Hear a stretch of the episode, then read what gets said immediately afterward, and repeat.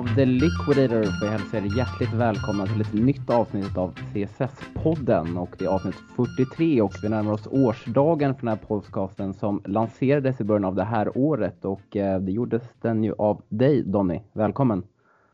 Ja, oh, tackar, tackar. Ja, det gjorde den, stämmer. Det är väl härliga minnen och kul att den har fått leva vidare i denna anda. Mm, hur är läget annars? Det är bra. Eh, nyss hemkommen från London så att eh, med full av intryck, även om det inte blev resultatmässigt så som vi hade hoppats så eh, är man för gammal för att hänga upp sig på det utan mm. man är ändå och träffat härliga människor och druckit god öl och sådär så att eh, det är prima ballerina. Hur är det själv? Jo, det är bara bra. Ehm, det närmar sig ju jul och hemresa till Stockholm så det ser man fram emot. Man känner att man är inne i den här slutspurten nu innan eh, innan jul helt enkelt så att det är bara bra. Men det är väl klart att lördagskvällar, jag är inte lika eh, gammal som dig så förlusten tar väldigt hårt på mig fortfarande. men eh, lördagskvällen var lite, lite, lite sådär men det är bara ljusare. Det är en, jag tycker det är skönt att det, att det var uppe på hästen igen här på onsdag och vi får en chans till revansch. Ja men det är så, man får se det och det är nu när du duggar tätt också så är det ju inget annat att göra. Duell on mm. that utan upp på hästen igen och det är ju härligt att de coming thick and fast nu. Mm, verkligen och vi, det är inte bara du och jag här utan Kevin också här och eh, avsnitt 43 Kevin och eh, den 4 januari så fyller ju podden ett år och är 50 avsnitt innan dess någonting vi kan sträva efter.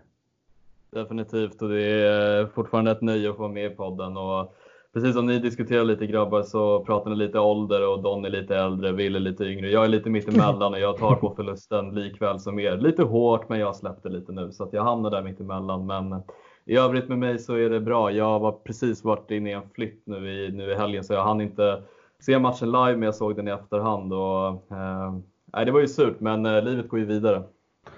Ja, jag frågade inte ens dig hur läget var men du svarade ändå liksom. Jag tog för givet att du skulle ställa frågan. Du brukar vara så sjukt trevlig så att eh, jag svarade på min egna fråga. Det är så jag brukar jobba. Mm, ja men härligt. Så hur som helst, eh, avsnitt 43 och vi har blivit en liten grej här att jag frågar vem som har haft ett tröjrum till Chelsea. Vill att jag ska ställa frågan igen, vem som har haft nummer 43? Eftersom att det, mm. det är avsnitt 43, någon som kan ta den. Mm, oj, oj, oj. Patrik van Anholt. Fel, men det, det, Sjukt, det har en, du, har, du, du, du, är faktiskt nära där. Du är samma, pos, samma position med en spelare, en, en före detta Chelsea-spelare som också spelar som har... fortfarande aktiv i Premier League idag. Ja, Kevin? Ja, i Premier League. Fan, nu satte du mig där. Oh. Ja, jag vet om att Josh McEachran hade 46 när han debuterade mm. och tröjnummer är jag ganska så bra på faktiskt i, i övrigt. Så att eh, nej, men eh, jag får släppa den alltså. Nathan Ake, Ake. Nej, det är faktiskt det är andra gången du chansar på honom. Det är, jag vet, jag vet men den här gånger. gången kände jag mig säker på honom. Men fan. Nej, han hade det... fyra i sin sista session i Chelsea. Nej, fan sex hade han va? Ja, jag har för mig att det har väl han har i Bournemouth nu också, eller har han gått ner till fyran där? Jag vet inte. Ja. Eh, men det är ett, i alla fall ett flertal som har haft det och eh, men jag syftade främst där på Ryan Bertrand. Ah. Och eh, om vi tar lite kort då, vad har du för relation till Ryan Bertrand idag? Han var ändå med och han startade ändå i CL-finalen mot Bayern München. Mm. Men då hade han inte 43. Nej, då hade han inte 43. Han hade, oj, jag glömde tillägga att han hade, han hade, det här tröjnet bar han säsongen 06-07. Så de är, ja. de är lite kluriga nu att komma upp på de här ja, ja. höga För Han hade ett väldigt ändå. udda tröjnummer i den säsongen vet jag. Typ 36 mm. eller 37 eller något sånt. Men eh, det var på, det var eh, på 30. Det mm. vill jag nästan svära på faktiskt. Har du någon relation till honom idag? Nej, inte mer än att jag tycker att vi hade kunnat behålla honom istället för typ Zapakostas och andra att vi har eh, Emerson kanske som han hade nog kunnat spela en, eh, en roll mm. Eh, för oss som, som vi släppte lite billigt och i, varvade in mediokert för istället. Så att jag hade gärna sett att han blev kvar i någon roll i klubben och kanske inte liksom byggde laget kring, men i synnerhet med allt vi varvat in på den mm. positionen. Marcos Alonso hade i och för sig en bra säsong, men jag tror inte att Ryan Burton hade gjort det sämre än honom exempelvis. Så, så hade han gärna fått vara klar, kvar i klubben. Engelsman verkar en, vara en schysst, hårt arbetande kille och sådär. Så att, ehm, men det tåget har gått. Mm, en bra truppspelare helt enkelt. Ja, eh, Kevin, lite kort. Har du någon för eh, Champions League också ju. Ja, ja, självklart. Det är väl eh, främst det, det jag landade i när jag tänkte på Ryan Burton är väl främst att han, var, han startade i den där CL-finalen när vi tog hem det där säsongen 11-12. Eh, Kevin, du då lite snabbt, har du någon relation till Ryan Burton? Då? Nej, relation vet jag inte, men det är lite som Donny säger, man hade gärna velat se honom i truppen och han har ju uppenbarligen vuxit med uppgiften ju längre han har spelat i Premier League. Han är ju kapten tror jag idag i, eller nej det är fan Höjbjerg som har tagit den, den rollen, men jag minns att han var kapten i SA-15 ett tag. Och duktig, duktig vänsterback. Mm. Absolut, men vi ska inte stanna kvar allt för länge här ute. Jag tänker presentera vår fullspäckande agenda och vi kommer att börja med lördagens derbyförlust mot West Ham på Stamford Bridge och gå igenom varför Chelsea förlorade och om det var på grund av den minst sagt roterade elvan Frank Lampard valde att formera. Förlusten var tredje matchen i rad för Chelsea utan vinst och vi ställer oss frågan ifall det Kungsblå befinner sig i en formsvacka just nu. För i så fall är det en riktigt dålig timing då Premier League går in i det intensiva december. Match redan på onsdag igen när John Terrys Aston Villa kommer på besök till Stamford Bridge. Och vi ger såklart alla förutsättningar inför den matchen. Innan vi rundar av dagens avsnitt besvarar vi självklart de frågor vi fått in via vår Facebookgrupp. Detta och mycket mer i CSS-podden. Nu kör vi!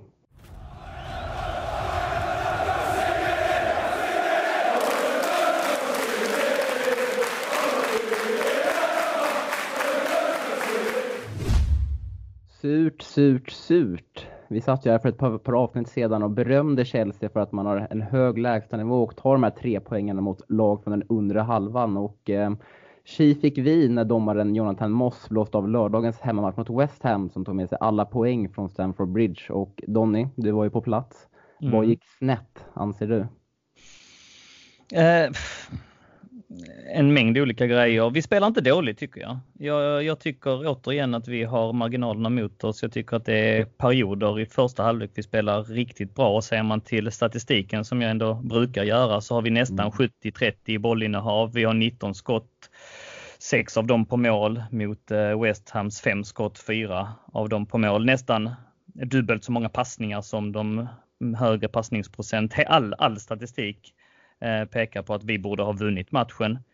Men vi, eh, vi förlorar den och eh, gör man inte mål då, speciellt i sina bra perioder som vi hade, framförallt i första halvlek, så är man alltid blottad för att släppa in en kontring, vilket händer.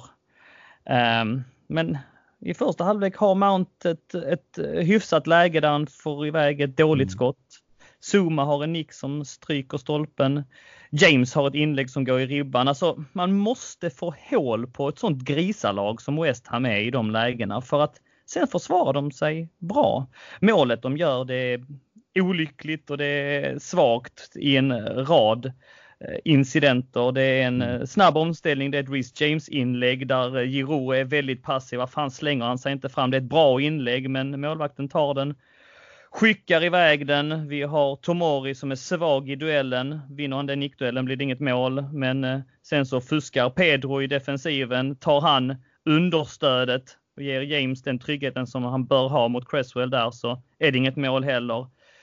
James eh, har vi hyllat jättemycket den här säsongen och han är fantastisk. Eh, men just i den situationen så är han inte tight nog på Cresswell och eh, dessutom säljer han sig.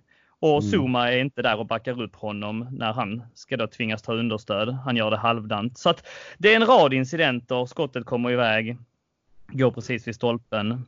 Ehm, efter det så, eh, så, så, så tar vi inte oss samman, vilket jag tycker är konstigt. Och eh, ehm, jag är inte supportern som hela tiden tar laget i försvar och, och, hela tiden eh, bara pekar på det positiva. Utan jag tycker att man som supporter kan kritisera ibland också. Det är klart man ska ha en balans i det där och givetvis så hyllar jag Lampard och vill inte ha någon annan tränare. Men just den här matchen eh, får han nog ta på sig. Tyvärr. Eh, bytena funkar inte efter detta. Jag förstår inte vad han gör när han byter in eh, Callum Hudson och Doy mot Giroud när vi måste gå på spets. Så då sätter han ju Pulisic som falsk nia mm. och de här uh, chansningarna har han gjort innan och det är tyvärr inte första gången som han gör en vågade byten, alltså lite udda grejer och misslyckas. Jag tänker nu exempelvis i veckan när, när eh, Mourinho tar ut Eric Dyer i 30 minuten mot Olympiakos när de ligger under med 2-0 och sätter in Christian Eriksson. Det funkade. Man stärks så in i helvete som tränare och som lag när något sånt händer. Han vänder matchen, de vinner med 4-2. Men Lampard har gjort några sådana byten där han satt in Billy Gilmore mot Sheffield United, kommer ni ihåg det? Mm. I 2-1 läge, vi skulle försvara ledningen. Jag satt i soffan med farsan och sa det här måste gå vägen. Då kommer Lampard bli hyllad. Gick inte vägen. Vi släpper in ett mål. Senast mot Ajax, då går han ner på fembackslinjen när det är 10 minuter kvar. Jag tänker fan det måste gå vägen. Snälla Lampard, säg att du är den här, eh, det här geniet, har den där fingertoppskänslan. Men vi släpper in ett mål två minuter senare. Och så nu här då eh, spela Pulisic som falsk nia i ett läge där vi jagar ja, det, det, det föll ju eh, platt. Det blev inte bra. Och i sig att komma till, till eh, ett London-derby med ett så pass eh, konstig laguttagning. Emerson tycker jag har varit väldigt svag när han fått chansen. Han blev ordentligt uppsnurrad mot Manchester City och blev rättmätningen utbytt i paus. Ja, jag, jag, i, i ett läge där vi saknar rutin och vi saknar ledarskap borde Aspilicueta fått starta den här matchen och han borde haft Reece James som högerback och Aspilicueta som vänsterback tycker jag. Eh, men också i, i, eh, eh, när man väver in att William också stod över. Helt plötsligt så har vi väldigt få ledare där ute som tar det där ansvaret och jag säger inte att Aspilicueta är en fantastisk lagkapten, men jag tycker han har, varit, han har spelat upp sig och han är ändå en av de här ledarna som besitter lite erfarenhet, lite högre ålder och så vidare. Eh, man ställer över, han ställer över Kante. Han spelar Pedro som är helt matchutränad och som gjorde en katastrofmatch. Och kanske det mest eh, anmärkningsvärda är ju att han eh, inte spelar Batshuay utan, utan ställer upp med en Giroud som uppenbarligen inte är motiverad och som förmodligen redan mentalt har lämnat. Så att ja, dyrköpt läxa, så kan man väl summera det. Mm, väldigt lång, en lång summering där av matchen. Sen måste fråga Kevin här vad han säger jag tror vi springer vidare lite på lite, eh, på, på, lite det, det Donny sa här. Eh, jag tänker framförallt är det att eh, Lampard har experimenterat väldigt mycket. I fjol satt vi och kritiserade Sarri för att han bara körde sin plan A. Vi alla går på plan B. Men Kevin, kan det bli lite för överdrivet när han håller på som han gjorde när Frank Lampard höll på med en falsk nia som var alldeles sett tidigare under säsongen och eh, Pedro Giroud kommer in som inte har knappt spelat en minut på två månader. Eller hur, hur tror du Frank Lampard tänker? Ja, det men absolut. Och det, det mest anmärkningsvärda tycker jag är ändå att Batshuayi som ändå har visat framfötterna i de inhopp han har eh, bidragit med, eh, så, har han, så har han ju i alla fall för mig visat att han ska vara andra valet. Och då tycker jag att det är det är ytterst märkligt att man väljer att starta med en Giroud som, som Donny säger, som verkar redan ha checkat ut. Jag kände lite, alltså jag skrev till dig tidigt också, så här, vad, är, vad är det för laguttagning egentligen? För att det är, det är extremt märkligt. Det saknas bara Barkley så hade det varit komplett egentligen mm. med svaga spelare som ska spela. Och jag tycker i sin helhet att det, det, det är som Donny säger, det är, en, det, är en, det är en läxa vi måste lära oss och Lampard får verkligen ta på sig det här för att hela laguttagningen från första början var extremt konstig. Och det var en match som man kände liksom att ah, det här kommer nog inte gå vägen. Och, alltså jag tycker bara på senaste tiden, ja, om vi kan prata någonting annat så tycker jag till exempel en sån som Jorginho Kovacic har vi hyllat väldigt mycket. Men jag tycker i en sån här match så Jorginho säljer sig väldigt lätt tycker jag många gånger som den enda sittande mittfältaren, vilket jag har väldigt svårt för. För att han stötbryter extremt ofta, vilket skapar ett stort övertag i mitten för West Ham att kunna kontra på, men även mot de andra lagen som ligger lågt och vill kontra på oss. Eh, de, de skapar sina situationer via att vi säljer oss väldigt lätt. Och Kovacic och Jorginho är inga defensiva experter, men där skulle vi behövt kanske täckt upp med en Kanté som jag tycker inte borde vilat i en sån här match. För även mot sämre lag behöver man någon typ av sköld och Jorginho tycker inte jag är den skölden som man ska vara. Eh, ja, det är väl lite det jag mm. kände spontant. Apropå ja, det... den där skölden också, så alltså det är ju anmärkningsvärt som jag läste efter matchen att vi inte gav bort en enda foul. Alltså det mm. säger ju någonting om, alltså det är eh, om det är första gången sedan säsongen 03-04 som Chelsea inte har gett bort en enda foul på hela matchen. Och visst, det är väl bra på sitt sätt, men det betyder ju också som Kevin är inne på att det saknas lite brunk där på mittfältet. Det saknas lite jävla anamma, lite närkamper, eh, att ligga lite på gränsen. Det kanske är det som hade behövts i den här matchen så att vi får nog inte tycka att det är en alltför bra egenskap att vi spelade så rent.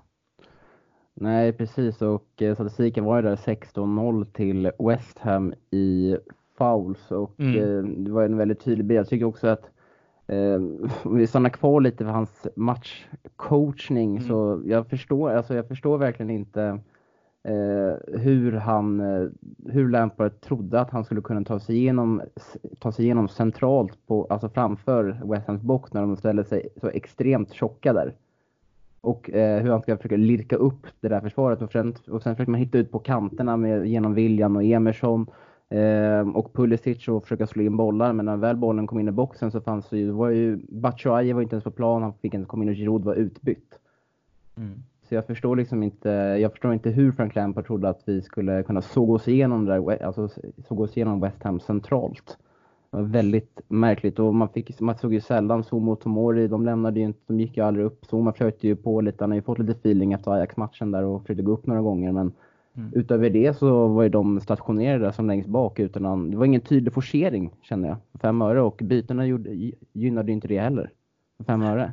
Nej, nej, mycket konstigt. Eh, Det, det som du säger anmärkningsvärt på många sätt. Om, när, om, man, om man gör ett sånt byte så vill man ju se att det finns en tanke med det, men jag, jag, jag ser inte heller tanken med det och vill absolut inte låta för kritisk mot Lampard. Han hade säkert någon idé, men jag hade gärna sett att, eh, att han förklarade den faktiskt. Det är inte så att han på något sätt har har någonting i minuskorgen. Men just den här matchen, nej, det var, det var många märkliga incidenter och i synnerhet när han hade pratat, visst det kanske man måste göra innan matchen, Mm. att man måste ta eh, utåt en match på allvar. Men håller du på och eh, babbla om eh, hur viktigt det är och West Ham kom till matchen med, med usel form, va? men Lampard var ändå inne på att they might very well show up for this one och hans historik med, med West Ham och vi vet om att det är ett eh, London-derby som sagt och att eh, mycket kan hända och Lampard var väldigt noga med att uttrycka detta men då kan man inte ställa upp med det här laget. Det är någonting i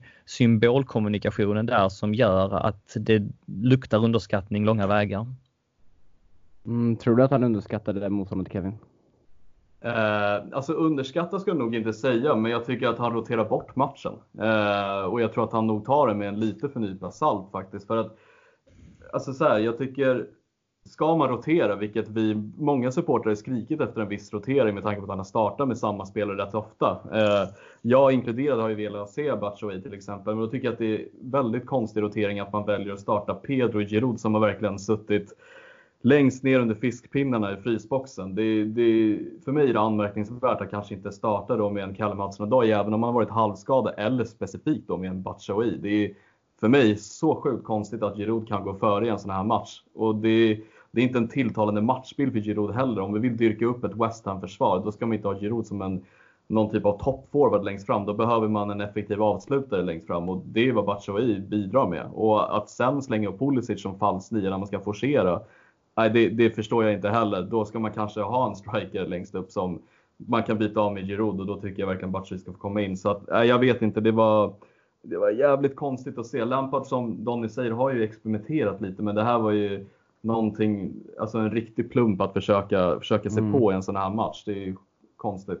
Mm, alltså jag kan förstå eh, att varför han roterar eh, Frank Lampard med tanke på det är två, varit två tuffa matcher, det är ett tufft schema nu i december.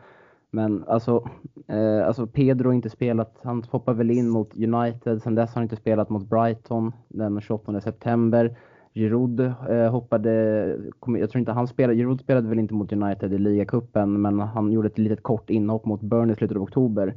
Eh, och det är ju spelare som verkligen har, som, det är klart att de inte kommer prestera, eller det, det är svårt för dem att prestera med tanke, tanke på det lilla förtroende och den lilla speltiden de har fått. Giroud har visserligen spelat in några bollar för Frankrike. Eh, Idel straffar dock. i straffar till och med där. Så att, Bara eh, straffar, ja. bara det liksom. Ehm, vi, som Kevin också är inne på, vi skrikte efter lite rotation där med, eh, ja, li- kanske slängt in Batshuayi någon extra gång och vilat Mount lite här och där. Men eh, man såg inte den här komma att Pedro Giroud skulle starta matchen utan jag var helt inställd på kanske, ja men exakt, eh, Hudson kanske är tillbaka. Eh, och sen William och Pulisic på den andra kanten och sen en Batshuayi framför med tanke på Abrahams skada också. Men det här var ju liksom som en liten eh, liten käftsmäll och Kanté kan jag förstå varför han vilas. Eh, kommer precis kommit tillbaka till skada, har två 90 minuter eh, precis bakom sig. Och går in i den intensiva perioden och vi ska ju slå, vi ska ju slå West Ham med Jorginho och Kovacic på det, på det defensiva mittfältet utan problem. Men äh, Eh, mycket märkligt. Men om vi kollar, ser till målet som eh, West Ham gör, hade Aspelekueta gjort det bättre i den situationen tror du Kevin? Än vad Reece eh, James gjorde? Det är alltid svårt att säga, men jag tror också rutin är någonting väldigt viktigt. Jag tror att Aspelekueta hade varit mer följsam, men problemet med dem båda är att de gillar ju och kanske pressa lite högre och stöta lite mer. Vilket kan vara lite, lite fel ibland, för Cresswell gör det ju väldigt enkelt. Han, alltså, han går ju längs kanten och bara skär in egentligen till högerfoten och får iväg ett skott. Och man ser ju att James försöker täcka någon typ av, ja, ett inlägg kanske han tror att det är. Och vilket gör att han har ju helt fel vikt på, på kroppen så att han är ju lutad mot högra benet när han ska kanske vara lite mer beredd på att kunna ja, stoppa ett eventuellt inspel med högerfoten. Vilket gör att han ligger liksom helt fel i korrigeringen av kroppen. Så att det är svårt att säga om Aspilicueta hade gjort det bättre, men jag vågar ju tro att med viss rutin så kanske man hade varit lite mer följsam och tänkt till lite mer i den situationen istället för att kanske ja, direkt täcka ett inlägg som det ser ut som att han gör, vilket gör att han helt, liksom, det blir helt fel i koordinationen i kroppen då. Mm, det, det, känns väl lite som att det är sådana här grejer vi kan se eh, lite från sådana som Bliss James som har precis tagit kliv upp på A-laget, lite rutin fel. Men som Donny också var inne på förut så Pedro tar ju inte hem jobbet och eh, Tomori missar i första duellen där mot Snodgrass tror jag, tror jag att det var mm. som en till slut eh, leder upp till den här situationen. Och, eh, man såg ju liksom också, det kändes som att West Ham också generellt var lite hungrigare än Chelsea i den här matchen. Cresswell tar ju liksom en, han tar ju en löpning box till box där och, eh, eh och lägger in den till slut. Men eh, Rhys James tycker jag ändå står för en helt okej okay insats utöver hans agerande vid, eh, vid målet. Eh, kan man lasta Kepa någonting för det här Donny? Det målet som han släpper in?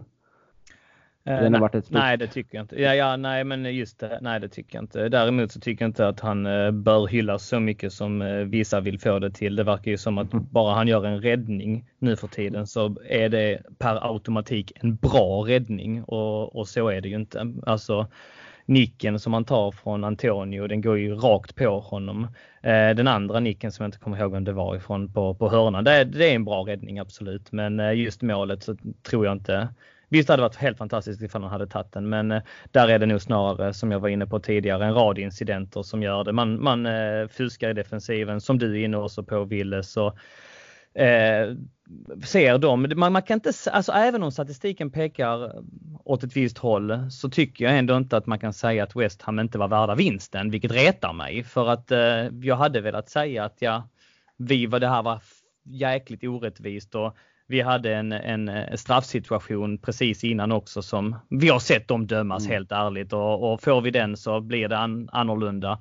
Men eh, alla de här matcherna vinner ju Liverpool och det är det tyvärr det som skiljer de riktigt, riktigt bra lagen mot eh, de bra lagen. För att vi är ett bra lag på uppgång, men vi är inte, är inte riktigt där än och det blev smärtsamt eh, tydligt i denna match. Och, eh, men angående Kepa så just i den situationen så kan man inte skylla på honom. Men det, det är lite dålig inställning, lite dåligt hemjobb och så fuskar man på en rad incidenter. Tomori som vi har hyllat jättemycket i den här podden tidigare också eh, har tyvärr tappat i form.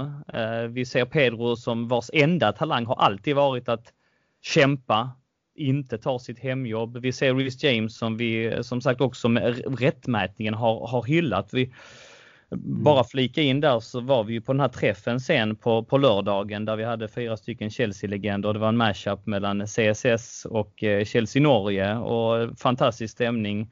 Eh, härliga människor båda, från, från båda länderna och så då fyra stycken Chelsea legendarer. Gareth Hall, Colin Pates, John Bumstead och Kerry Dixon som närvarade då. Och det, var, det var verkligen supertrevligt och en, en av de frågorna som eh, Gareth Hall fick dels av mig vid bordet men dels sen när vi hade en frågestund också, en Q&A var ju eh, vilken spelare han eh, från eh, ungdomarna, eh, så som han trodde på mest eh, av ungdomarna, att vi hade hyllat de här ungdomarna då väldigt mycket i år och så vidare. Och han har en väldigt bra insyn i, i, i ungdomslaget och har bland annat då, eh, han jobbar på en fotbollsskola av något slag, va? så han har haft eh, Callum Hudson-Odoi i sina ranks. Eh, men han sa inte Callum Hudson-Odoi, vilket eh, jag reagerade på och sen ställde honom motfrågan då varför han inte gjorde det. Så frågade jag honom hur, hur långt kan Callum Hudson-Odoi gå? Så svarade han It's up to him. vilket mm. ändå lämnar lite utrymme och gör en lite lite orolig, måste jag faktiskt säga. För att han har väldigt stor talang, men ja, det lämnar ju lite utrymme att han kanske, kanske inte har psyket. Det är så jag tolkade det i alla fall. Men det han sa var ju Reece James. Att han, eh, han tyckte att han var den som absolut eh, har stått ut och eh, förmodligen har rätt attityd, rätt fysik och så vidare. Och det håller vi ju med om. Men med det sagt så just i den situationen där, där, där är han inte riktigt med och ligger han tajtare och framförallt säljer han inte sig, då har han större chans att blockera skottet. Ja, vi har fått lite indikationer där på att, eh, lite på Callum och psyke där, att han kanske inte just nu inte har det som krävs med tanke på allt eh, i, i, i, i psykets väg då. Man kanske inte har allting som krävs med tanke på det som har hänt med Bayern München och, Nej, eh, precis. och. Det är tyvärr de varningsklockorna som ringer ju där ju att, eh, att man kommer ihåg det lite grann vad man vet om att hans bror är hans agent och att mm. han eh, ja, har, har krämat fram eh, ett riktigt bra kontrakt. Enligt Gareth Hall så är det alltså 140 000 pund i veckan och det är ju jättemycket pengar för en så ung mm. spelare. Så att eh, han har mycket att svara eh, för. Va? Och det är klart, det är upp till honom för att så bra talang har han. Men ja, eh, ja det är inte ja. bra talangen alltid. Nej, jag tycker faktiskt att Callum Osodoy ändå kommer att göra ett, ett helt okej inhopp också. Han får hoppa in där i uh, minut 70 plus cirka. Eh, tycker han gör det bra och det är lite den, han, han, lite den inslagna vägen han måste fortsätta på för att han var, jag, kom, jag tycker att han var strålande mot Newcastle hemma där för någon, eh, lite mer än en månad sedan. Men sen dess blev det en liten formdel för honom och han eh, blev skadad. Eh, så det är väl bara nu i alla fall. Jag är lite över, rätt övertygad om, om, att han kommer starta mot Aston Villa på onsdag och jag tror att han, han, är, han är väl en sån här spelare som kanske behöver extra förtroendet eh, gentemot kanske Reece James då som verkar ha psyket på plats och är redo att jobba hårt. Men hur eh. tycker du själv då, Wille, eh, att man bör eh, forma laget här nu? Vi hyllar Reece James, men alltså på den andra sidan då Emerson, är du med på det att han kanske inte riktigt har varit den spelaren som man trodde precis i början av säsongen när han fick några matcher att han verkligen har dalat i form här när mm. han har fått chansen de sista matcherna? Alltså jag tycker att, Rich, att eh, Emerson, som du säger, han eh, inledde säsongen du, galant. Vi tillbringade nästan ett poddavsnitt bara om honom. Men sen ja. gick han ju och skadade sig där mot Italien och sen dess tycker jag inte att han har kommit upp till samma nivå. Men jag gillar det jag har sett. Eh, om man ska hylla lite Frank Lampard och hans matchcoachning, nu bara varit negativa, så gillar jag den här rotationen han har gjort på våra tre aktuella ytterbackar. Jag räknar inte med Marcus Alonso, men James, Aspilicueta och Emerson. Att han kan ja, men, skifta kant lite på Aspilicueta och sen kör Reece James och eh, Reece James på ena och sen så kan han köra Emerson, kan han köra Aspelkueta på andra.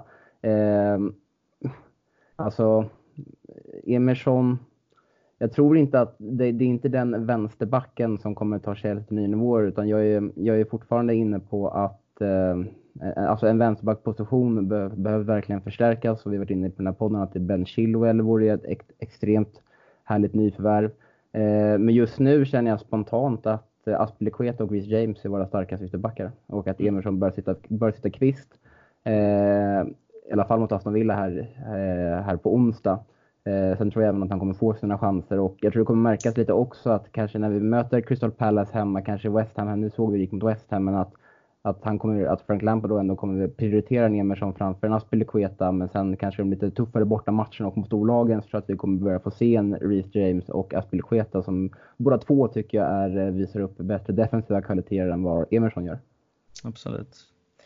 Sen måste vi också omfamna i detta att eh, funka, alltså vinner vi den här matchen, vad säger att Reece James eh, inlägget han gör, den styr stolpe in mm. istället. Va? Då sitter vi ju här och hyllar Lampard för att han vågade eh, göra de här bytena, att han vågade ställa viktiga spelare åt sidan så att de fick nödvändig vila och så vidare. Alltså någonstans så är det ju fotbollens små marginaler som vävs in i detta. Men i och med att det inte blev så så måste man ju också förhålla sig något kritiskt. Men jag menar, funkar rotationen så blir ju Lampard geniförklarad i ett sånt läge istället. Ja, såklart, såklart är det så. Sen vet man aldrig liksom heller hur West Ham hade reagerat. Jag tror att Chelsea hade fått inledningsmålet där 1-0. Eh, om Reece James hade gått stolpe in där, då mm. hade ju nog, jag tror, då hade ju West Ham öppnat upp sig totalt och då, då, då vet vi hur usla de har varit de här, den senaste tiden i Premier League. Så då hade mm. nog kanske sprungit iväg med siffrorna till en 3-0 kanske.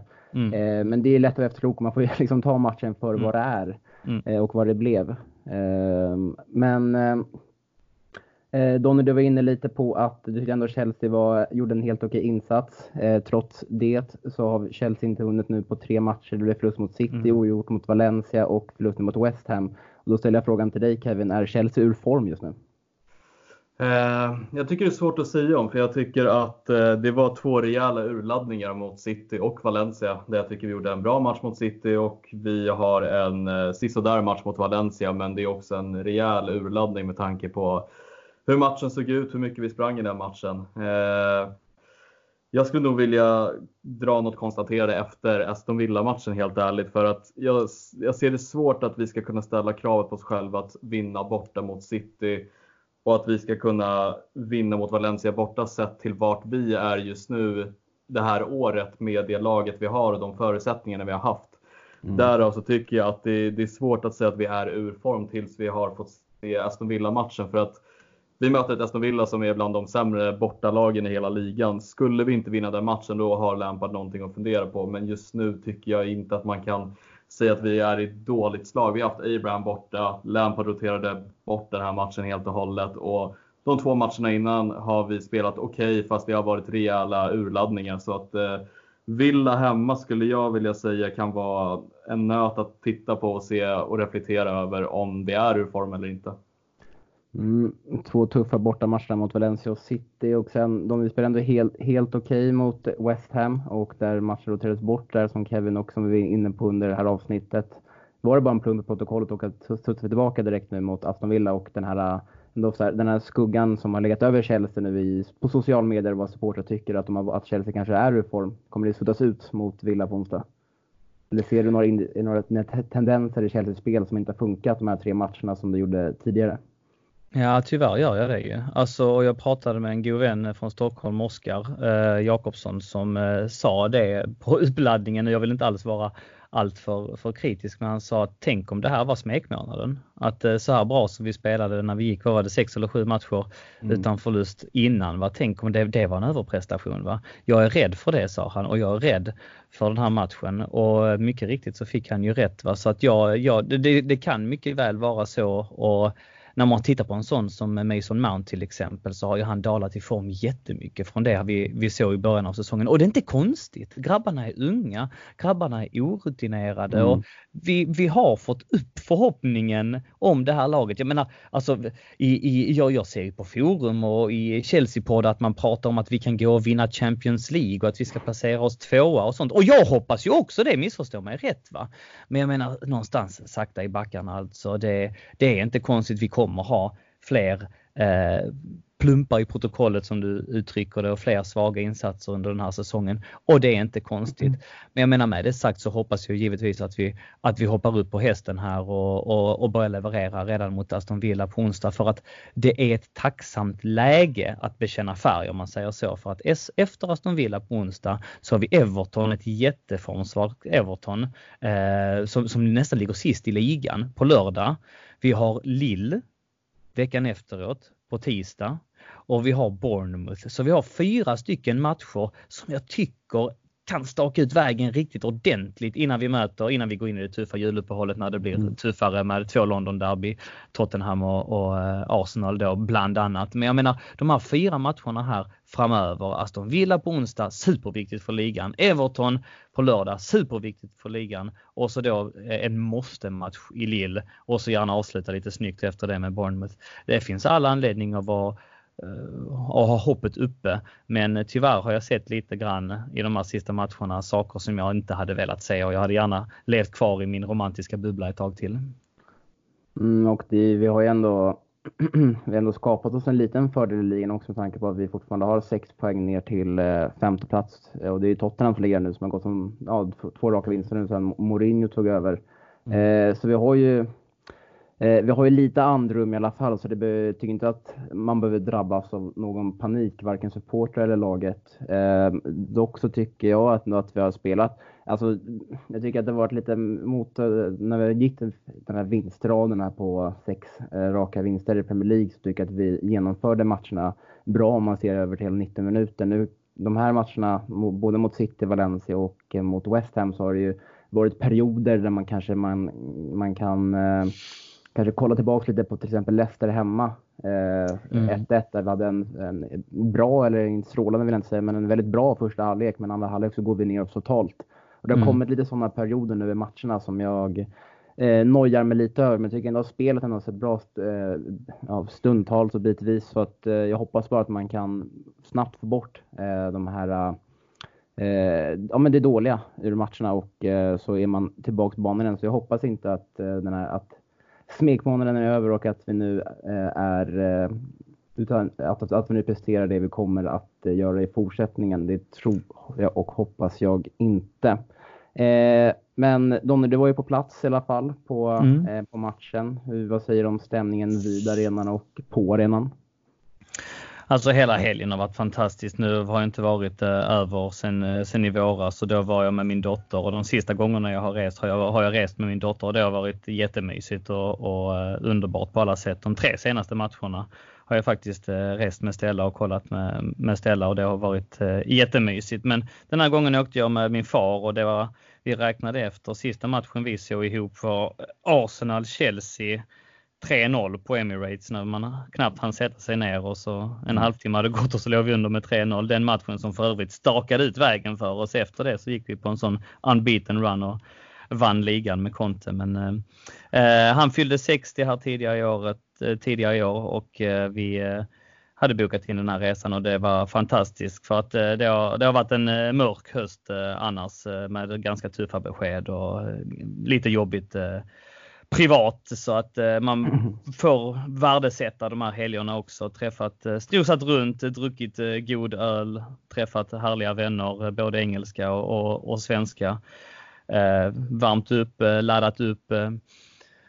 Och själva matchen var ju inte något sådär jättefantastiskt. Det var, vi, vi stod i Matthew Harding och där är det alltid hyggligt tryck. Jag har varit med om bättre, jag har varit med om sämre också.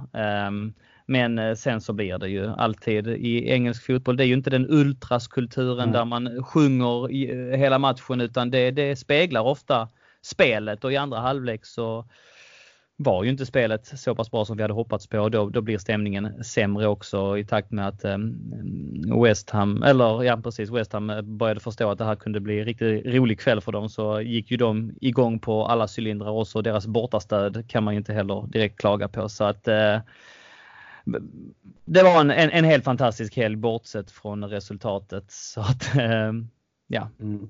det är väl ja. det jag har att säga om det. Men, härligt. Men innan vi lämnar West Ham och helgen eh, totalt här så vill jag bara fråga. Eh, du, du, sa ju lite att det var en supertrevlig kväll där på lördagen sen när det kom några Chelsea-legendarer. Det var ju Garrett Hall, eh, John Bumstead, Colin Page och Kerry Dixon. Och jag har läst lite så här, jag brukar på, på svenska fans då, läst lite här när andra supporter eh, föreningar anordnar, anordnar träffar med, eh, med klubbar och, eller med eh, anordnade träffar nere i England. Eh, och de har också bjudit in eh, tidigare spelare i klubben, eller legender till och med, som mest bara kommit dit och ja, men varit där, visat upp sig, tagit betalt och sen dragit. Men mm. det verkar ändå som att, du sa ju lite där att du var inne på ordet trevligt. Mm, mm. Och hur, hur uppfattade du dem? Eh, nej men de var supertrevliga. Alltså verkligen. Eh, jag har träffat Kerry Dixon tidigare. För två år sedan var vi på en, hade vi en liknande julmiddag med våra norska vänner. Mm. Och eh, han, är, han är en riktigt, riktigt bra kille. Han är, en, spottar inte i glaset heller. Va? De, de drack allihopa med och skrålade. Just Kerry drog sig undan lite tidigt. Jag tror han är, är vis av erfarenheten att han han har nog övat in någon form av nödbroms när det blir lite för mycket så att han drog sig undan lite tidigare och Gareth Hall också. Men de var så jäkla trevliga vid middagen. De, de svarade ärligt på frågor. Vi hade, jag just Gareth Hall satt eh, vid vårt bord och jag ska helt ärligt säga att jag var för ung för att uppleva honom. Jag var för ung för att uppleva någon. Den enda jag egentligen har läst in mig på sedan tidigare är ju den största namnet av dem. Det är Kerry Dixon. Men, men jag hade hört talas om allihopa tidigare och skapade ju en artikel på Svenska fans just för att eh, jag skulle läsa in mig lite grann på dem och jag skulle dela med det till de andra mm. som skulle resa också. Eh, men vilka killar alltså. Gareth Hall var väldigt öppen och mycket sådana intressanta frågor alltså, som, som vi hade till honom. Jag satt ju då med eh, dels min far men dels också med Joel Viktorsson och Aje Lagerstam som var precis vid mitt bord och vi, ja, har en skitbra diskussioner liksom om vem han har spelat med och vem som är den bästa spelaren han har spelat med och som sagt då hur hans take var på Chelsea det här året. Och så sen när efter Q&A då efter att vi hade ätit färdigt som sagt då drog ju Gareth Hall och, och Kerry Dixon men Colin Pace och, och John Bumstead stannade till långt in på uh, sena kvällen. Så det mm. var skitroligt också för där hade de fått i sig några öl innanför västen och bara avslöjade jättemycket. Alltså skitroligt om Ken Bates och hur han var som ordförande och hur han kunde komma in i omklädningsrummet och ja, hur de hade svinat på bortaresor. Och, ja, det var, ja, det är sånt som man verkligen, uh, det var verkligen inte det här att stela. I alla fall så som jag upplevde det. Men sen så blir det ju alltid så i de uh, sammanhangen att det blir upp till var och en att försöka ta tag i och försöka prata och försöka ställa frågor frågor. Och det fanns säkert de som, som inte eh, tog läget i, i samma utsträckning som då kanske eh, några av oss gjorde så att säga. Men eh, jag, jag, tror att det handlar lite om att ge och ta i de lägena. Men på det stora hela var det en, en supertrevlig kväll också. Mm, ja, men det, det gläder mig fast man inte var där och bara hörde så varmt. För man har blivit så här lite när man läst om mm. eh, de andra lagen. Man blir så här mm. typ, sjukt respektlös liksom av de spelarna som kom dit. Folk som har rest över till England för att kika och bjudit in dem och få betalt. Och, mm. Så är de lite spydiga. Men det, ja, det mm. värmer lite i hjärtat ändå att de var Absolut, och jag skäms inte att säga att, att den summan vi betalar, alltså vi tog ju betalt från den här träffen och det var mat, det var ingen eh, vidare mat måste man väl erkänna. Eh, men en stor del gick ju till deras arvode. Va? Men de tog inte särskilt mycket. Vi pratar någon tusen per skalle för att komma. Så att det handlade inte om pengarna för dem. Jag, jag tackade så mycket när John Bumstead och Colin Pates skulle gå så sa, de, eh, så sa jag till dem, you don't know how much this means for us. Så då har de suttit och, och tjötat med oss liksom som vänner, skålat med oss, druckit öl med oss som vänner i en timme, alltså i slutet.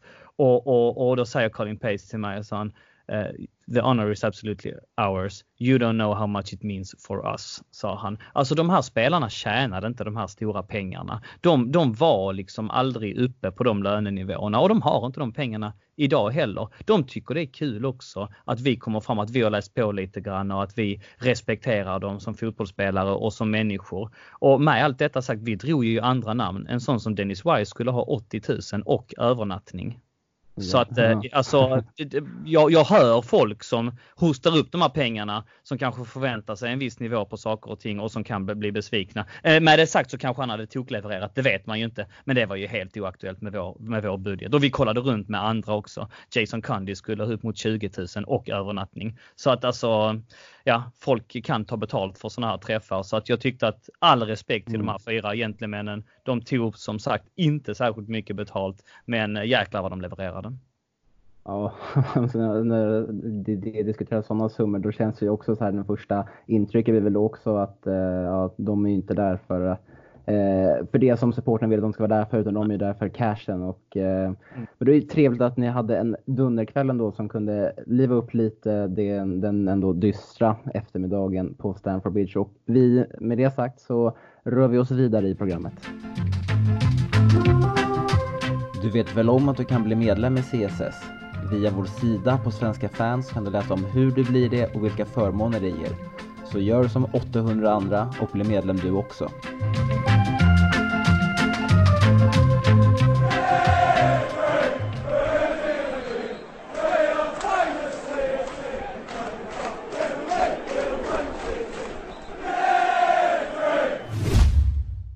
Och Villa är hemma nu redan på onsdag som vi redan annonserat här tidigare under avsnittet och det är dags att kolla vad de kan komma med till Stamford Bridge. Och Kevin, du har ju tagit, eh, du har tagit pulsen på eh, Aston Villa. Vad har du att säga om dem?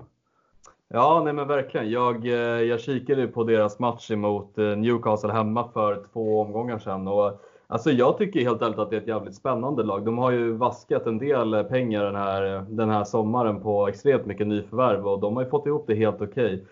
Alltså de spelare som sticker ut lite för mig det är väl John McGinn och eh, Jack Grealish och jag tycker även El Ghazi på yttern är superspännande spelare som, eh, som har verkligen varit utropstecken. El Ghazi har jag i min FM-karriär följt lite sådär successivt. Han är ju en produkt från Ajax, han har harvat lite i Lill och nu har han hittat rätt i Villa. Och John McInn var ju något fynd de bara köpte för någon miljon från skotska ligan som också varit dunderimponerande och United har ju varit ute efter honom och så vidare. Han har en, en jävligt bra, ett brett register som fotbollsspelare, jäkligt bra, en energisk mittfältare med bra vänsterslägga. Så att, eh, farlig spelare. Jag tycker att de har, eh, de har i alla fall imponerat mig. Det kanske, alla resultat kanske inte har följt med dem. De har ju haft Grealish skadad rätt ofta och han är ju deras, ja, ska man säga, spindeln i nätet. Han gör i princip allt. Han rör sig fritt över planen, är lagkapten och spelar inte han så brukar det gå sämre. Spelar han så brukar det gå bra och mot Newcastle var han ju extremt bra. Och, nej, men de, har, de har ett intressant lag. Jag gillar ju också deras tränare Dean Smith. Så han tränade ju Brentford tidigare och fick ihop ett rätt bra lag där också. Och nu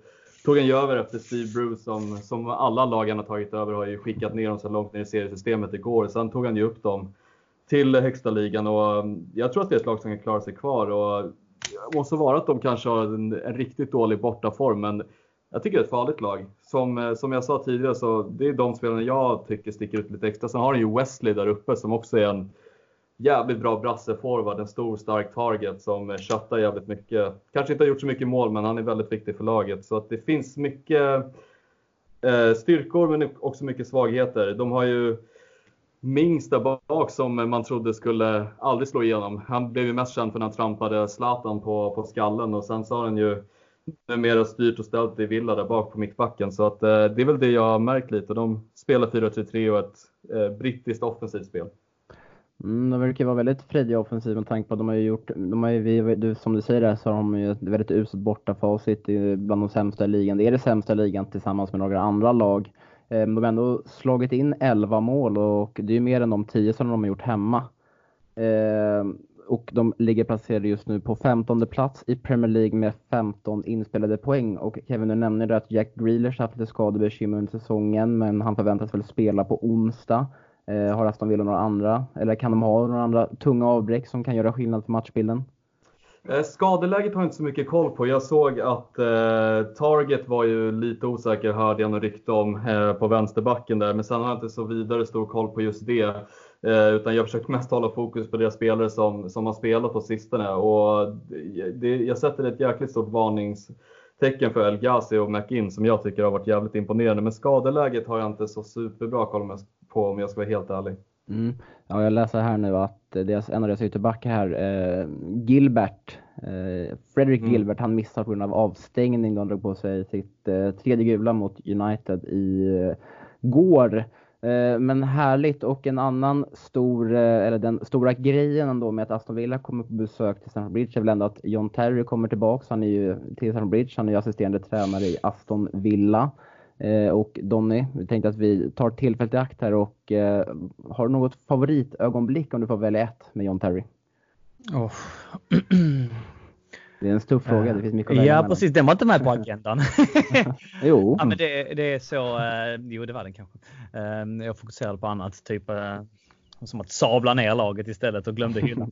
Nej, men det finns jättemånga. Jag är ju en av dem som uh, kommer ihåg när han debuterade. Jag har följt honom hela hans karriär. Uh, tycker det var en historia som jag vet om att jag berättat i ett sammanhang tidigare var 98 när jag stod utanför Marina Plaza i Helsingborg som 13 år gammal och spelarna kom ut en efter en så småningom. Först var Dennis Wise ute och skrev lite autografer. Mitt i vimlet där va, så när vi väntade, kallt som fan var det.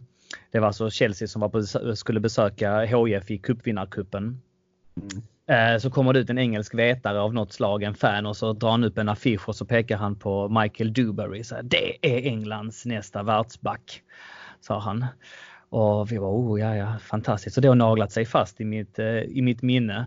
Eh, och, och, faktum är att bredvid honom sitter ju John Terry. Så att man hade ju nästan kunnat mm. tro att Michael Dewberry fick, jag vet inte ens om ni kommer ihåg honom, han fick ju ingen vidare karriär. Han, han harvade lite grann i Newcastle och försvann ut i periferin.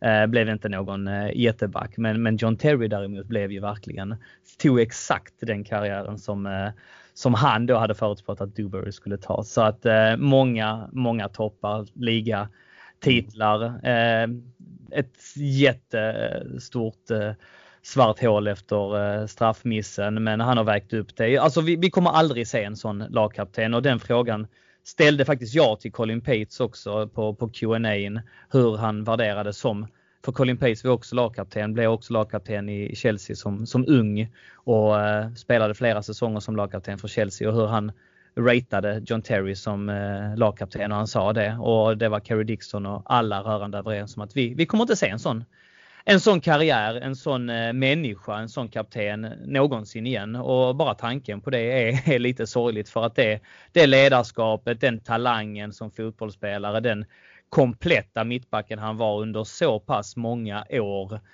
Eh, skulle vilja hävda att hans bästa säsong var kanske 2015 när vi vann ligan när han och Gary Cahill eh, alltså blockerade allt. Jag tyckte att med hans ledarskap där under Jose Mourinho att han verkligen tog ett sånt jäkla ansvar. Då hade han ändå kommit upp i åldern, jag tror han var 33 eller 34 då den säsongen. Mm. Så att, eh, ja, nej, jag har svårt att plocka ut just ett ögonblick eh, faktiskt, men eh, gärna med och omfamna honom som den fantastiska människa han är. Hyllningskörerna bör fortsätta i all evinnerlighet och jag hoppas han får rättmätiga hyllningar. Eller det kommer han få nu när han kommer tillbaka på onsdag. Mm. Mm, som du, hade lite ett, ett litet personligt minne där som du drog av i början i cupen i cupen 98 där mot HIF. Mm. Eh, men jag delar exakt samma bild som du. Alltså jag satt också och tänkte på ja, men något, vad, när jag tänker på John Terry, finns det någon situation här som, som jag tycker är så här, och det här är det som jag minns honom främst för, men det går inte. Alltså det är själva helheten med John Terry som gör att man älskar honom och för den han var liksom som mm. spelare och som ledare för Chelsea, vilken enorm betydelse han har för Chelseas historia. Ja. Eh, men eh, Kevin, kan du briljera här med något enstaka minne som... Alltså, som... Jag, satt, jag satt ju och tänkte på i, i, euforin nu när ni satt och pratade om Terry och googlade mig fram en bild när han hoppar och blockar ett skott från någon sloven i, ja, i VM det. 2010. Alltså han ligger rakt Ja, han ligger rakt lång i luften. Och, alltså det personifierar för mig Terry så sjukt mycket. Och, alltså nu kör jag bara på uppstuds, men Terry Cale, det måste ju vara det mittbacksparet som har täckt flest skott genom alla tider. Alltså, det är ju det jag minns starkast, att jag aldrig sett en människa offra sig på det sättet som Terry gjorde när han spelade. Och specifikt den här bilden jag sitter och halvgarvar åt här hemma, det, det, alltså det, det är för mig Terry rakt igenom. Och det, man minns honom som en brutalt jäkla brittisk bra mittback som var offrade sig med vilken kroppsdel den handlade om. Om ni också minns när jag tror det var Diaby som sparkade honom i skallen eller vad det var mot Arsenal. När han skulle också slängnicka bort någon boll. Alltså det, äh, det, det, det vi kommer inte få sådana där mittbackar igen och Terry är ett unikt exempel på, på hur en mittback ska vara och en unik människa i sin generation. Så att eh, hyllningskörerna ska fortsätta för den fina människan. Men ett, mm. eh, ett minne då Ville, bara för att wrap it up, det måste ju vara hans eh, nick i, eh, mot Barcelona. Jag tror det var 2005 i Champions League-finalen. Mm. Eh, eller inte Champions League-finalen, men i, var det kvarten eh, när vi får en hörna och, och, vi håller på att tappa matchen. Vilken, vilken fantastisk match det var och han kliver fram och nickar in den från väldigt snäv vinkel. Och eh, när man då ser Alltså vad ska man säga om Van Dijk? Alltså det är ju en fantastisk mittback alltså. Han nickar in hörnor på löpande band och våra hörnor går och stryker alltid stolparna alltså. Då blir man avundsjuk och tänker tillbaks på den där nicken och känner att jäklar vad en John Terry i sin glans hade kunnat hjälpa oss i detta läge. Mm, lite för ung för att minnas just den situationen. Jag vet inte ens om jag såg matchen, men det är ett klipp som jag har sett på Youtube x, mm. x mm. antal gånger. Eh, Highlights-paket från den matchen med John mm. var det Ronaldinho gjorde väl eh, ja. mål där också va? Ja precis, han stod stilla och sköt mm. in den. Ja, jag kommer ihåg exakt var jag var någonstans också. Det är en sak man inte glömmer. Mm. Jag pluggade i Lund då, jag tror Ja. Så är det, härliga tider. John härliga tider.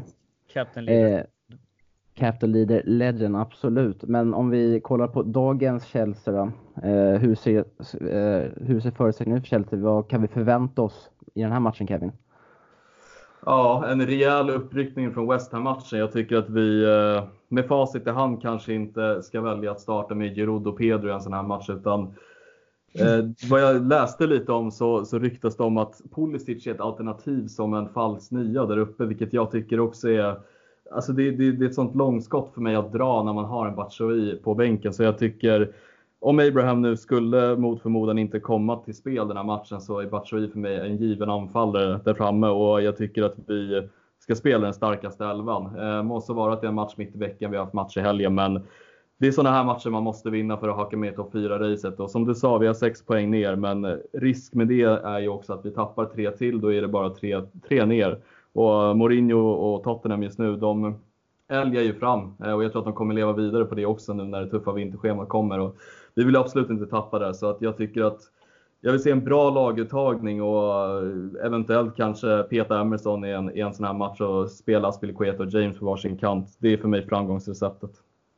Mm, eh, det ska bli intressant att se han får laget där. Alltså man, de här ryktena som du är inne på att, om, att Pulisic som en falsk nia, om Giroud får fortsatt förtroende, då, då, då undrar man ju vad som, vad som är grejen med Batshuayi också. Att han har varit tydligt andra val inom hela säsongen, men när väl Abraham är skadad så blir han bortprioriterad.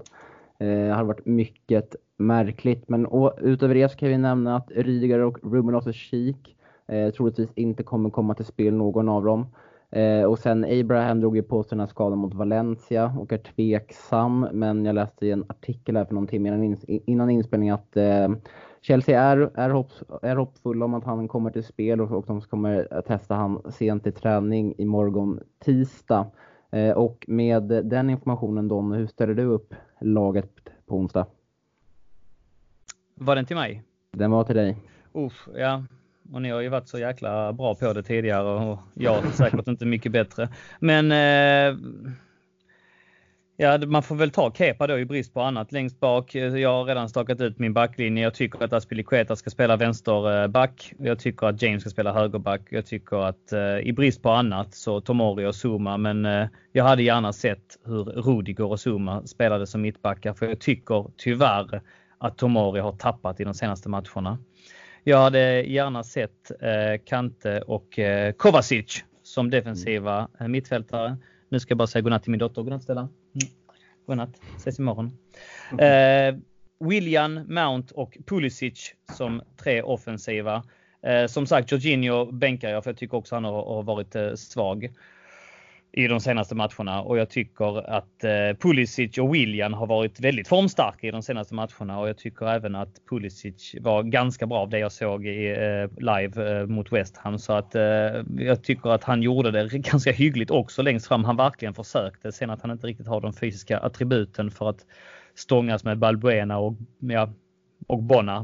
Det, ja, det funkade inte riktigt, men jag tycker nog att han får, får ta en plats på höger offensivt mittfält och givetvis Batshuay längst fram. Jag förstår inte riktigt vad som har hänt därför att allt, alla de signaler man har fått från Batshuay är ju, han, han gav ju den här intervjun, eller hur, till belgisk TV också efter landslagsmatchen här senast att Chelsea is, is my club och uh, jag vill verkligen lyckas här och, och Um, it's where I feel home sa han. It's a club I love deeply en så, alltså säg att det hade mm. funnits liksom attitydproblem och sånt, det borde ju ha sipprat ut kan man ju tycka. Det kanske inte gör det, jag vet inte, men alla de här bilderna man får och man följer ändå media ganska bra, men den bilden man får av alla Chelsea-korrar och, och, eh, av medierapporteringen är att han, han verkar vara en hårt arbetande eh, reko kille men sen så vägrar tränare att spela honom så någonting är det ju man missar. Så att, eh, men ja, med det sagt så får mm. han gärna ta plats längst fram i min bok. Ja, det var ju det lite vi var inne på i våras också när någon poddinspelning. Då kom jag ihåg att, att Batshuayi hamnat lite snett känns det som inför varje säsong i, i Chelsea här och man vet inte liksom bakgrunden till det. Men de här orden som du säger som man mycket riktigt sa till belgisk TV, det är ju känns i alla fall, eller det är någonting som man vet om att Frank Lampard värderar väldigt högt. Det här att man ska kämpa för klubbmärket och ge allt på planen. Och Precis. Eh, de signalerna har ju Giroud, det är ju det är tvärt emot där. Han har varit lite öppen med att, att han sitter ju bara på att, får han inte spela så byter han klubb i januari för att kunna ja. spela EM med Frankrike i sommar. Mm. Så det är extremt märkligt vad som händer där och det har inte kommit några rapporter om det för, för fem öre. Jag har inte sett presskonferensen efter, efter West Ham-matchen men hade, det, hade den frågan ställts och det hade varit ett, ett svar så hade man ju såklart eh, lagt märke till det i sitt flöde på sociala medier. Så att det är väldigt tyst där. Eh, men absolut en bra elva. Eh, Kevin, hur ställer du upp? Alltså faktiskt så har jag helt samma elva. Eh, jag, eh, jo, helt och hållet. Jag tycker att eh, Jorginho också ska sitta kvist, Emerson kvist. Sen tycker jag också brist på annat så kör vi på Tomori och Zuma och eh, jag ser ju gärna en Batshuayi där framme också. Ehm, och jag, eh, ja, jag ser helst inte att Pedro eller Joe får hoppa in i matchen utan att man slänger in kanske en Callum Hudson-Odoi om det skulle brista lite där fram och så vidare. Ehm, sen också när vi pratade lite om Batshuayi, följ hans Twitter, det är en extremt rolig människa också att följa. Utöver att han är en reko kille så är han en jävligt rolig kille också. Mm. Så att, nej, jag är identisk alla. Mm. Eh, och eh, jag har också en nästan till Dentes 11. Jag har ju satt upp eh, Abraham ifall han, jag tror ifall han är frisk och krys kommer han nog spela till 100%. Eh, annars så hoppas jag och tror att det är Batshuayi där med tanke på också Giroud mot West Ham. Men sen flaggar jag lite för kanske en eventuell rotation på Pulisic med tanke på att William fick, eh, fick in på bänken. Eh, och Hudson Lloyd verkar vara tillbaka från skada. Samtidigt som Pulisic, han missade landslagsspel på grund, av, på grund av just skada. Kom tillbaka på City, spelat eh, 90 minuter tre gånger här på sju dagar. Eh, så det känns ändå som att det finns en risk för rotation där med tanke på Everton borta sen på lördagen. Eh, och sen Lille en direkt avgörande Champions League-match på tisdagen eller onsdagen veckan efter. Och ja, vi får se helt enkelt. Och det känns som att Pulisic har, ändå varit, det har väl varit Chelseas bästa spelare den senaste månaden va? Ja, jag tycker ja. nog också det. Mm. mm så det är väl kanske det som tar lite emot för att han inte, för att han inte kommer bli bänkad, men samtidigt så kanske man vill välja att spara honom till kanske alla matcher är viktiga, men till lite mer större motstånd lite senare här i december. Men intressant och nu bara få tippa ett eh, resultat lite kort här innan vi tar oss an lyssnarfrågorna. Om vi börjar med dig Donny. Nej, men jag hoppas att det blir en urladdning och 4-0 eh, och apropå eh, rotation, så den rotationen jag kan, jag kan köpa det om man eh, sätter in Callum Hudson och då jag kanske ställer då Pulisic just med de argumenten som du säger åt sidan. Alternativt eh, Peter Mount som också hade en svag match förra matchen mm. mot West Ham och sätta in Pulisic i mitten där och så Hudson Odoi på kanten. Så det hade, kunnat vara, det hade jag kunnat köpa också. Men mycket mer än så behöver man inte rotera. Vi måste upp på hästen. Vi måste ta denna matchen på allvar. Vi måste vinna, gärna med 4-0. Mm. 4-0 alltså. Kevin, vad tror du? Ja, jag har slutat med sån här skittippning så att jag är inställd på Donnys. 4-0 säger vi. Ja, ja, ja, jag, jag tror att det blir, jag tror att vi släpper, jag tror vi släpper till ett mål. Men jag tror att vi hoppar också på, ett, på en urladdning framåt. Så jag tror 3-1 till eh, Chelsea. Men eh, hur som helst, svaret får vi på onsdag kväll.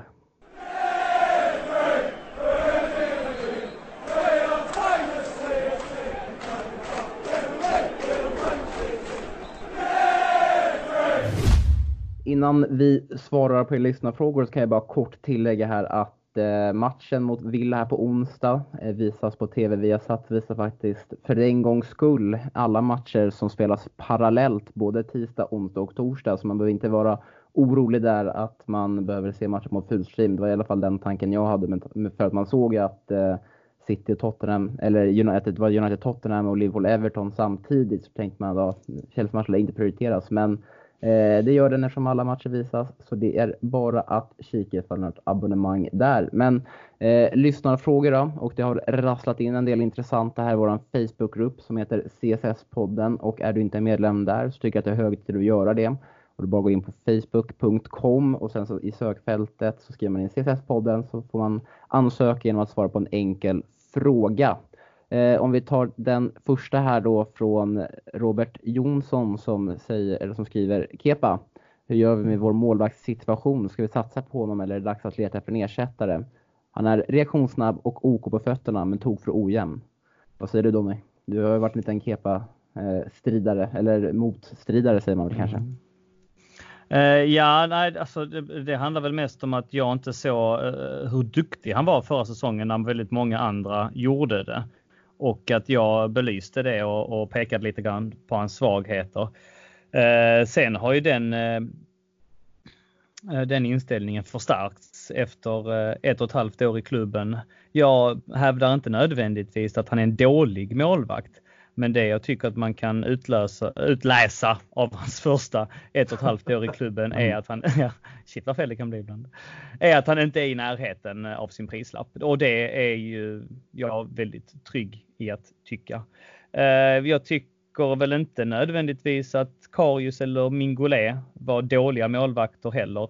Kanske inte Peperina, men man ser ju på Liverpool vilket lag de har blivit när de varvade in en väldigt stabil målvakt. Ja, de har hjälp av en väldigt stabil ny mittback också. Men vilken trygghet och vilken, eh, hur det kan stärka ett lag. Och man, om man tittar på en sån som Hugo Lloris till exempel. Han är ju världsmästare förvisso och kapten i, i franska landslaget. Men eh, jag tycker inte att han är en världsklass målvakt för det. Och Kepa är väl någonstans i den klassen. Alltså han är inte jättedålig och han är inte jättebra. Han är absolut inte världsklass. Alltså värvar man en målvakt för så mycket pengar så kan man förvänta sig mer och man bör förvänta sig mer. Liksom de här målvakterna som jag nämnde så kan han blixtra till ibland och göra en fantastisk räddning här och där. Men det döljer inte faktumet att han släpper in för många mål. Alltså eh, han... Jag vet om att statistik inte säger allt. Eh, men man kan inte bortse från statistiken helt. Och han är de facto sist i Premier League när det gäller räddningar. Jag tog det här med Fredrik Pavlidis för någon vecka sedan i podden och eh, han, jag googlade in där idag statistik, officiell statistik från Premier League. Botten. Han är på 20 plats. Han har gjort 25 räddningar, vilket då kan jämföras med Lenos i Arsenals 59 exempelvis. Alltså, vi har räddningsstatistiken som är skrämmande. Han släpper alltså in enligt statistik från NBC Sports. Jag vet i och för sig inte hur trovärdig den är, men vad jag vet är att andra har refererat till den i sammanhanget och enligt den så har Kepa släppt in 48 48,7. Alltså han har en räddningsprocent på 48,7 procent. Vilket är för dåligt. Han är rock bottom även i räddningsprocenten och då ska du veta att han har en sån som Gunn mot sig som släppte in åtta mål mot Leicester. Och han har bättre räddningsstatistik än Kepa. Kasper Schmeichel leder statistiken med 80 procent, men en sån som Ederson, alltså de flesta målvakterna har mellan 70 och 80. Att ha under 50, det är för dåligt. Så eh, med det sagt så tror jag inte att man kommer gå någon annan väg. Man har lagt ner väldigt mycket pengar på honom, plöjt ner väldigt mycket resurser i honom. Det finns ingenting i medierapporteringen som tyder på att Frank Lampard inte kommer hålla vid honom. Det verkar som att Frank Lampard har stort förtroende för honom. Det enda man kan läsa ut är väl att man kanske ifrågasätter tränarstaben lite grann och att Frank Lampard ryktas vilja ha Shay Given eh, in som målvaktstränare som man också hade i Derby då. Om det skulle hjälpa eller inte, det vet jag inte. Men vad jag ser fram tills nu så, ja, det är inte den här målvakten som kommer ta oss till några höjder. Med allt detta sagt så hoppas jag återigen att jag får äta upp de här orden om ett år, att han börjar storspela, att eh, han eh, ja, börjar briljera och, och bli den där målvakten som många andra uppenbarligen ser och, och tror att han är. Eh, men med alla de här senaste matcherna här på hösten in mind så finns det inte mycket som, som gör att jag eh, tror på det sådär hundraprocentigt. Och så just det här att han är okej okay på fötterna som frågeställaren också säger. Det är han ju inte. Han sätter ju oss väldigt ofta i väldigt kniviga lägen på grund av eh, sina dåliga fötter. Så att den, den biten väver jag inte in i resonemanget överhuvudtaget. Jag tar inte, absolut inte det som en faktor att, att väga upp för att han helt enkelt släpper in för mycket mål. Mm, intressant. Eh, och Kevin, jag vet ju att du och eh, att du spelar i samma lag som Donny här angående Kepa. Eh, tycker och tänkandet, att du har någonting mer att tillägga eller, eller sa Donny allt som du, vill också, du ville säga?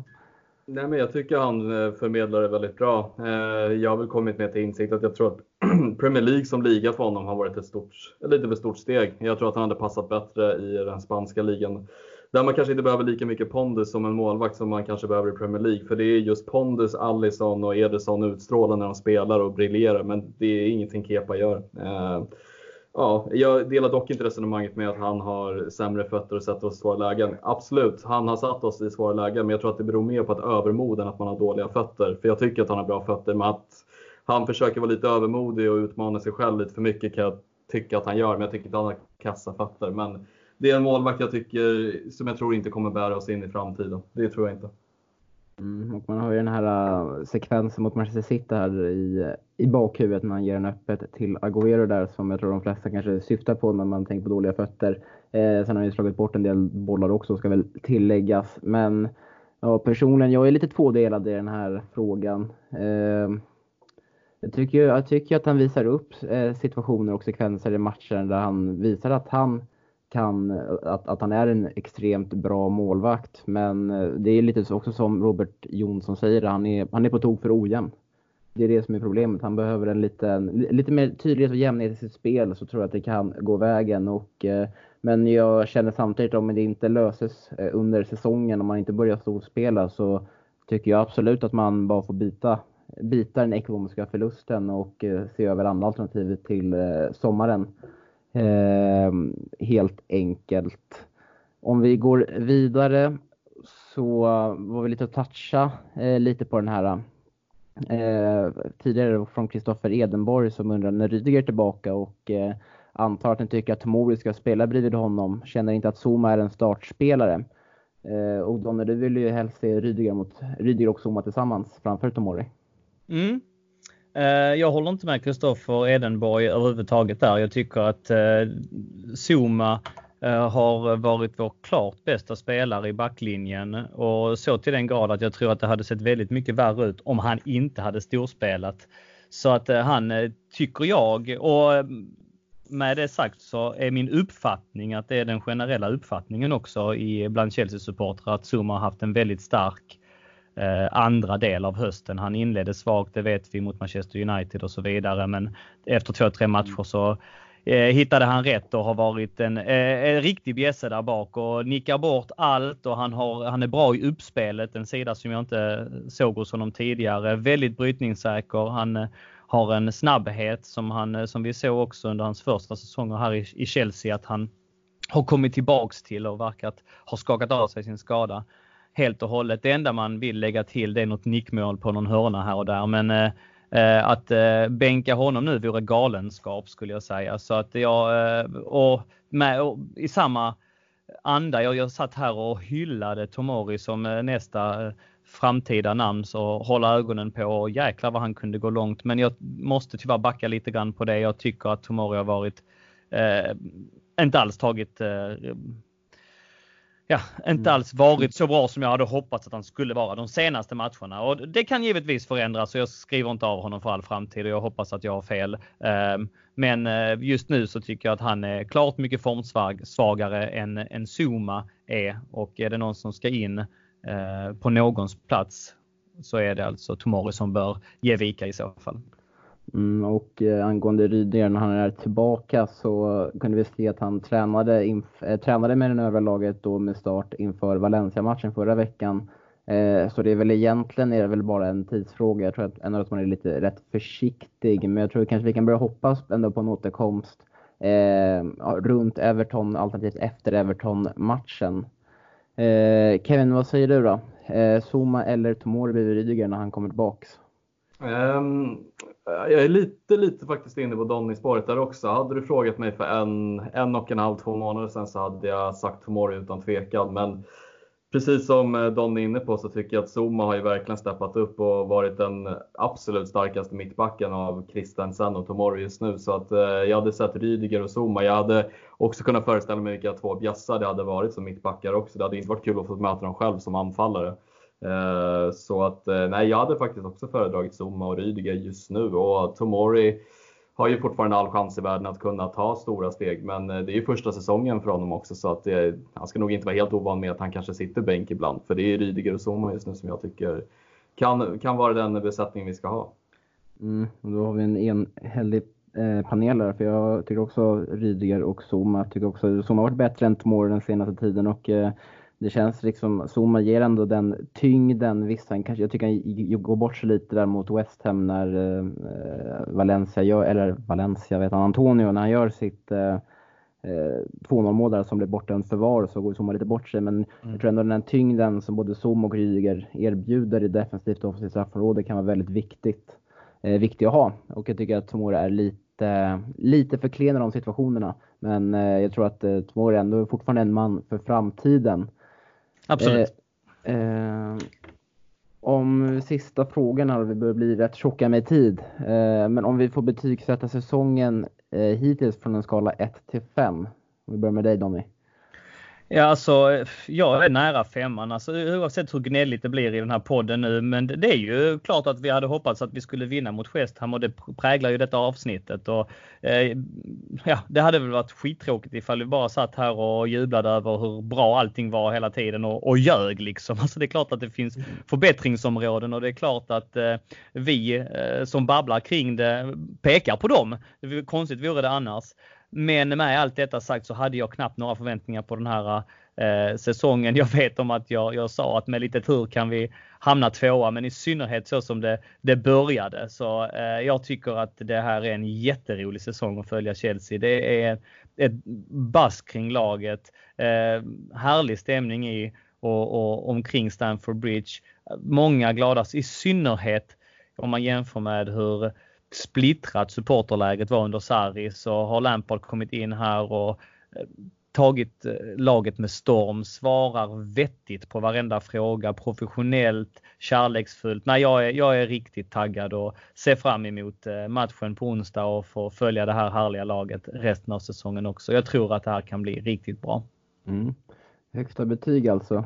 Kevin, delar du den uppfattningen? Eller delar du det resonemanget? Ja, ja resonemanget delar jag absolut. Jag skulle vilja säga typ möjligen en 4,5 eller någonting. För jag tror ingen hade nog förväntat sig att det här skulle hända. Och man kan ju bara sitta och tänka hur det blir sen när Ruben Loftus-Cheek är tillbaka och när Rydiger är helt hundraprocentig och när vi kanske får värva någon spetsspelare, hur det kommer sluta. Det är, det, det, det, det är verkligen ljust och det är så kul att det är så många akademispelare som, som har fått chansen. Det ska, så det kittlar till i pungen att få se andra halvan nu av säsongen också hur det blir. Utlösa. Mm. Utlösa, ja precis. Det ska bli spännande att utläsa. Ja, precis. Den säsongen, absolut. eh, ja, men jag håller med er. Eh, man, jag, jag, hade någon frågat mig i försäsongen vart vi kommer ligga efter omgång, eh, vilken omgång, omgång 13 eller omgång 15 är det som ska spelas nu på onsdag, så hade jag nog eh, sagt att det är 5 av 5 ifall vi ligger på en topp 4 placering. Eh, men eh, samtidigt jag vill också ändå vara lite kritisk. Fyra skulle jag sätta på, en, sätta på säsongens arena. Jag tycker att det var lite olika plumpar som man ändå hade räknat med som kanske hade, borde slutat i en seger eh, för att ge fullst högsta möjliga betyg. Då tänker jag framförallt kanske på en sån match som Sheffield United hemma eller och West Ham här senast. Eller Leicester hemma liksom. Då hade jag fått en femma från mig. Lite mer kritisk. Men så får det vara. Eh, men och med det sagt så är det dags för oss att börja runda av. Men det har ju skett en eh, lottning här Kevin. Medan vi spelar ja, precis, precis. fa Cup-lottningen har ju skett och det blir Nottingham hemma för våran del. Eh, Donny var ju lite besviken när vi hade vår lilla paus i podden med att det inte blev på bortaplan, vilket jag kan förstå också. Men en spännande match ändå. Vet du vilket datum Chelsea kommer att få spela den? Jag kan, om du frågar någonting om Nottingham till Donny ska jag leta upp det samtidigt. Donny, varför ville du besöka Nottingham så, så himla gärna? För att jag inte har varit där tidigare och det verkar, det är ett anrikt lag, det är eh, en intressant stad. Ja, jag hade bara liksom eh, gärna åkt dit. Det hade säkert inte kanske funkat ändå. Va? Det är mycket som ska klaffa i sådana tillfällen. Men eh, bara, bara tanken och, och, på att få Nottingham Forest borta. Det har varit ett jävla tryck på biljetten mm. också säkerligen. Vi har inte mött dem borta. Vi mötte dem ju i ligacupen ja, 2017, nej. eller hur? Vi mötte dem väl till och med i FA-cupen förra året i första matchen. Första ah. rundan också. Jag, tror jag, ja, jag skrev ju matchrapporter på Svenska fans och då hade jag FA-cupen. Jag tror jag skrev om Nottingham Forest då där i början på januari. Mm, mm. Fjärde omgången FA-cupen här googlade jag fram lite snabbt. Ja. Med Ampadu och Hudson Odoi spelade från start jag. Ja, och var inte Mancien med då också, vår före detta Chelsea-spelare? Han avslutade väl karriären där, men jag tror inte han spelar mm. längre. Men ja, nåväl. Var inte då Morata kanske också gjorde det här? När han, han gjorde väl mål sen så var han, när, när han var så ledsen efter att han gjort mål och Fabregas ger honom örfil. Eller vad det var. Det, jag tror det kan ha varit den matchen också i januari förra året. Möjligtvis. Nu ska vi se. Datumet är den 4 januari. 4 januari. Ja. 16.00 verkar, nej 16.00 vet jag inte om det stämmer, men 4 januari står det i alla fall. Vad jag får upp. Mm. Ja, det är tuff match. Jag vet att jag kollade nyårsschemat här innan vi började spela in och vi har ju Brighton eh, borta på nyårsdagen klockan 13.30. Det blir en mysig match efter en eh, efter man har firat nyår att vakna till och slänga sig i soffan på direkten och ta en pizza eller någonting. Och det blev eh, alltså 2-0 i, i fa Cup-mötet förra gången mm. vi möttes på hemmaplan i januari. Ja, jag tror Hudson Odoi gjorde väl någon assist eller mål? Nej, assist. Gjorde en dubbla. Ah, whatever. Morata, eh. Chelsea-legenden, gjorde båda målen. fan, jag såg Atletico, alltså fan det svider lite att Morata ändå är, fan, är bra i Atletico. Det, det gör lite ont i mig. Så jävla bra är han inte. Han nickar jo, in någon boll. Jag. Han är lika bra som varit... Kepa är just nu. Nej, jag tycker att han är, att han är bra i spelet. Jag har inte följt Atletico till 100% den här säsongen, men jag har sett några matcher och tycker ändå att han har varit rätt bra eh, i både spel och i målprotokollet. Men eh, med det sagt, eller vi kan inte, Morata kan inte vara det sista vi säger i podden, så vi får ju nämna att eh, Ross, någon som hade en fråga om Ross Barkley här kan bara säga lite kort att han, är, han sitter inte i fyllecellen utan de svarar på den kommentaren utan han sitter på läktaren istället. Han har tapp, nog tappat förtroendet för, eh, eller Frank har tappat förtroendet för honom i alla fall som det ser ut just nu. Eh, och med Ross Barkley som är slutord för att påminna alla att följa oss på sociala, me sociala medier. Eh, då på Instagram och Twitter. På Instagram heter vi Chelsea Sweden official och på Twitter heter vi Chelsea Swe. Och såklart följa oss på Svenska fans där vi lägger upp artiklar dagligen om vad som sker eh, runt klubben och nu under december månad så har vi även en liten julkalender där vi publicerar ett reportage eller en artikel varje dag om någonting intressant som hänt just det datumet. Eh, och med det så får jag önska alla en trevlig vecka.